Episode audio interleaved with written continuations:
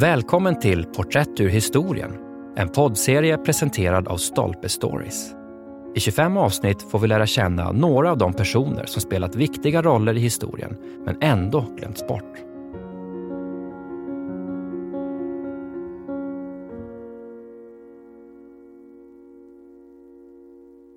Anna de Ett formidabelt liv av Agnès Poirier. Anna hade just fyllt tre när hennes far, prins Gregoire Bibesco Basaraba de Brancovan, flyttade familjen till ett Hôtel Particulier på 34 Avenue Hoche i Paris, ett stenkast från Champs-Élysées. Det var 1879 och den förmögne rumänske prinsen hade gripits av en vurm för sekelslutets inredningsmode. Hans dotter växte upp i en bonbonnière till hem. En våning full av orientaliska mattor, venetianska speglar, tjocka gobelänger som hängde från väggarna och konsolbord med silverkannor och rökelsekar. Prinsen hade eklektisk smak. Han kunde ståta med en samling japanska konstföremål och bjöd gärna gäster på middag i sin medeltidsinspirerade matsal. Det fanns även ett algeriskt rökrum där de manliga gästerna bolmade på cigarrer efter måltiden. Och i varje rum silades ljuset genom målade glasfönster som gav det en varm brandgulsaktig glöd.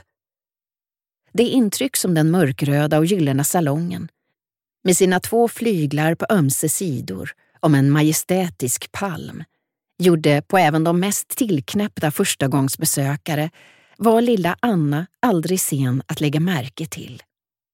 Det var något som hon tyckte särskilt mycket om att se.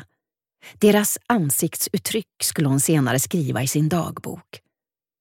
Denna tidiga förtjusning både i att imponera på gästerna i sällskapslivet och i att skriva blev genomgående teman i livet för Anna de Noailles, vilket var det namn som den rumänsk-franska författaren, poeten och socialistiska aristokraten kom att bli känd under. De ursprung var rumänskt på faderns sida och osmanskt-grekiskt på moderns sida. Och hon fick lära sig ytterligare tre språk, franska, engelska och tyska. Men det var franskan hon kände sig mest befryndad med. Liksom sin far anammade hon den unga Tredje republikens flammande ideal. På Bastiljedagen brukade familjen alltid fira genom att dansa och beblanda sig med människor på gatorna. Bland annat sina egna portvakter, Monsieur och Madame Philibert. De republikanska och revolutionära idealen skulle Denois alltid ha kvar. Hon var den första kvinnan som utnämndes till kommendör av Hederslegionen. Hon instiftade det första litterära priset som var förbehållet kvinnor, idag känt som Prix Femina.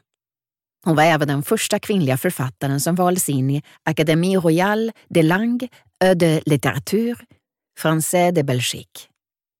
Under en 30-årsperiod publicerade hon fyra romaner, en självbiografi, hundratals artiklar och 15 diktsamlingar och antologier samtidigt som hon levde ett mycket intensivt liv som societetslejon. Hon inspirerade generationer av aspirerande poeter. Sin intellektuella nyfikenhet bar hon med sig genom hela barndomen. Efter faderns plötsliga död 1886 tog modern, en ung och attraktiv änka som ännu inte fyllt 40, med de Noir och hennes syster Helene på en ettårig resa med Orientexpressen till Österrike, Rumänien, Grekland och Bosporen. Den tioåriga Anna sög lyckligt i sig alltsammans, men började snart sakna Frankrike. Hon var glad att komma tillbaka till Paris och vännerna, bland dem Marcel Proust, som hon började umgås med på skolloven. Vid 16 års ålder var hon i lika mån intresserad av politik och mystik. I likhet med Proust tog hon ställning i Dreyfusaffären, övertygad som hon var om den judiska officerens oskuld. Anna var en ivrig poet och visade sina dikter för Madame Boultot som skrev litteraturkrönikor i dagstidningen Le Figaro. Bulteau var talangscout på fritiden och sa att de skulle hjälpa Anna att få dikterna publicerade. Men det var inte bara Denois poetiska begåvning som gjorde henne omtyckt. Hennes stora svarta runda ögon och svarta hårsvall bröt av mot den mycket bleka hyn och gav henne en intensitet som förstärktes av hennes romantiska och lidelsefulla personlighet. Hon var liten och smal och hennes egenartade skönhet fick folk att vända sig om. För den 23-åriga aristokraten Mathieu de Noailles behövdes bara en flyktig blick under en bal. Sedan var han handlöst förälskad. Efter en lång uppvaktning gick de Noailles till slut med på att gifta sig med honom. Det unga paret blev Parissalongernas älsklingar, men det var Anna som glänste med sin vältalighet. Hon blev en Belle Époque-favorit av det slag som inspirerade författare.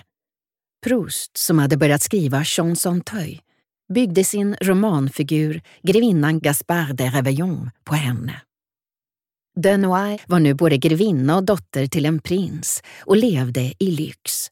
Men hon var också författare med drömmar och därtill ambitioner. Eftersom hon var för intellektuell för att bli tillfredsställd av ett utsvävande och vällustigt liv försökte hon förlika motsatserna inom sig med hjälp av sin bländande kvickhet och konversationsförmåga. Varje gång hon gick ut och roade sig eller tog emot gäster i sitt nya hem på 109 Avenue Henri Martin. Att slå världen med häpnad skulle alltid vara hennes utväg. Det skulle också bli en fälla. Madame Bultot höll sitt löfte och vid 22 års ålder publicerades de Noailles dikter i Revue de Paris. Proust anordnade en middag i sitt föräldrahem för att fira hennes framgång. Hennes första bok, Le Coeur innombrable, lovordades av både kritiker och läsare. Den fick omdömet lättillgänglig och likväl sofistikerad och blev en försäljningssuccé. Anna de Noailles var nu en stjärna på uppgång i det litterära Paris. Jag är socialist, kanske rent av anarkist. Jag tror på människorna. Jag sätter min tillit till vetenskapen, sa hon till en journalist utan att riktigt kunna överblicka vilka konsekvenser dessa ord skulle få i hennes miljö. Hennes make var för betagen av sin hustru för att invända mot hennes politiska åsikter. Men hans släkt var inte road. Mathieu de Noailles var även för vek för sin natur för att regera när hans röda grevinna blev förälskad i den ärke, konservative och nationalistiske romanförfattaren och politikern Maurice Barré. Deras politiska uppfattningar hade inte kunnat vara mer oförenliga och ändå var det för de båda författarna kärlek vid första ögonkastet. Mathieu de Noailles drömde om en politisk karriär för att kunna tänka på något annat än sin hustrus otrohet. Men ett förödande nederlag i kommunvalet i Paris 1906 satt definitivt punkt för hans förhoppningar. De grusades obarmhärtigt.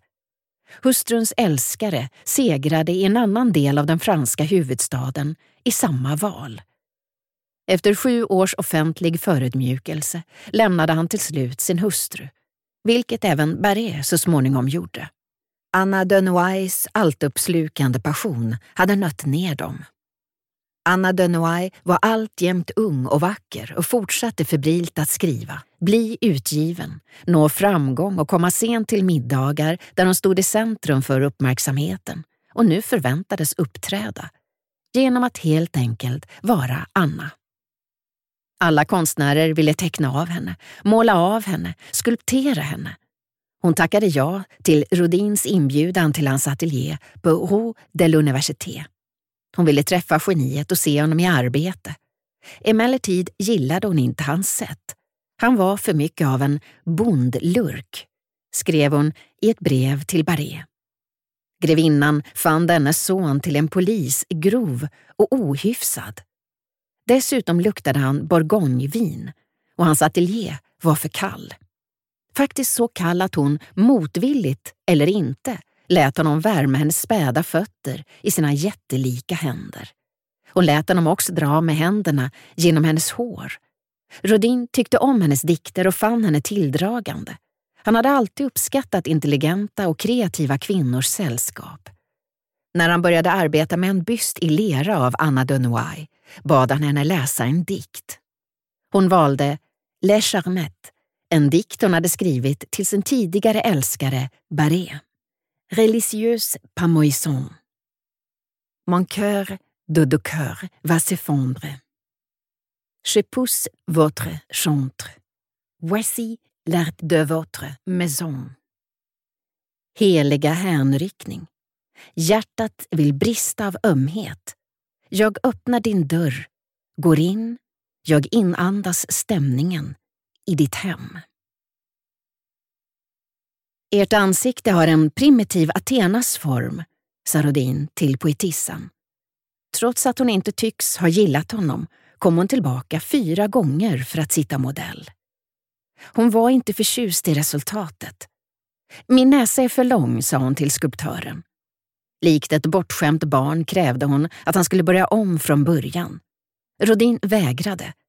När Metropolitan Museum of Art i New York valde att ta med den i en retrospektiv utställning av Rodins verk yrkade hon på att den inte skulle bära hennes namn. Bysten ställdes ut som Madame X. De fortsatte fascinera alla som kom i närheten av henne. Anna de Noailles talar med ett så vidunderligt ordsvall att det inte går att föra anteckningar, skrev André Gide i sin dagbok den 20 januari 1910. Meningarna forsar fram över hennes läppar och kolliderar. Hon yttrar tre, kanske fyra meningar samtidigt. Det blir en välsmakande kompott av idéer, känslor och bilder. En tuttifrutti åtföljd av hand och armrörelser. För att inte tala om hennes ögon. Det är omöjligt att inte bli alldeles betagen i denna märkvärdiga poet med den stora sinnesnärvaron och den sprudlande hjärnan. Anna de Noailles tycktes utöva en särskild lockelse på en yngre generation av poeter och författare som Jean Cocteau, Paul Valéry och Colette. De skrev till henne, överöste henne med komplimanger och beröm och alla slogs de om hennes uppmärksamhet och vänskap. Men bakom hennes rygg gjorde en del av dem narr av henne och imiterade henne i Paris salonger.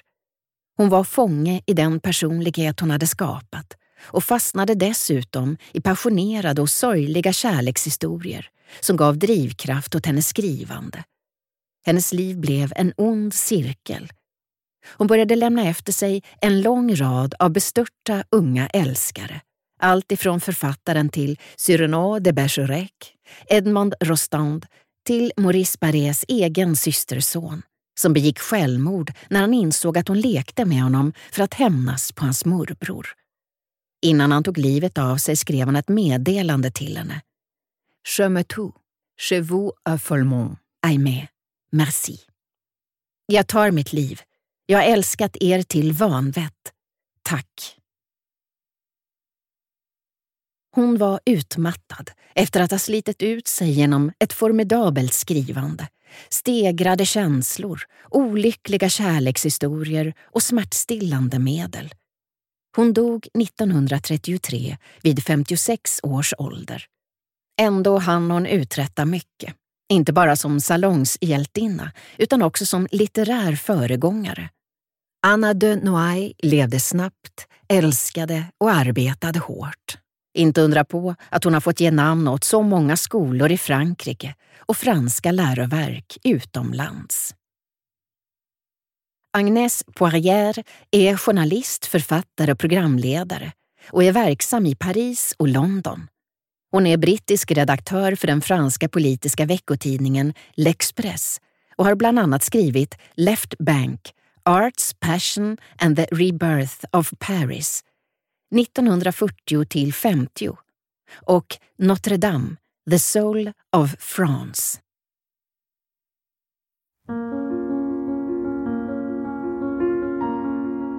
Du har lyssnat på poddserien Porträtt ur historien som presenteras av Stolpe Stories och inläst av Mimmi Kandler.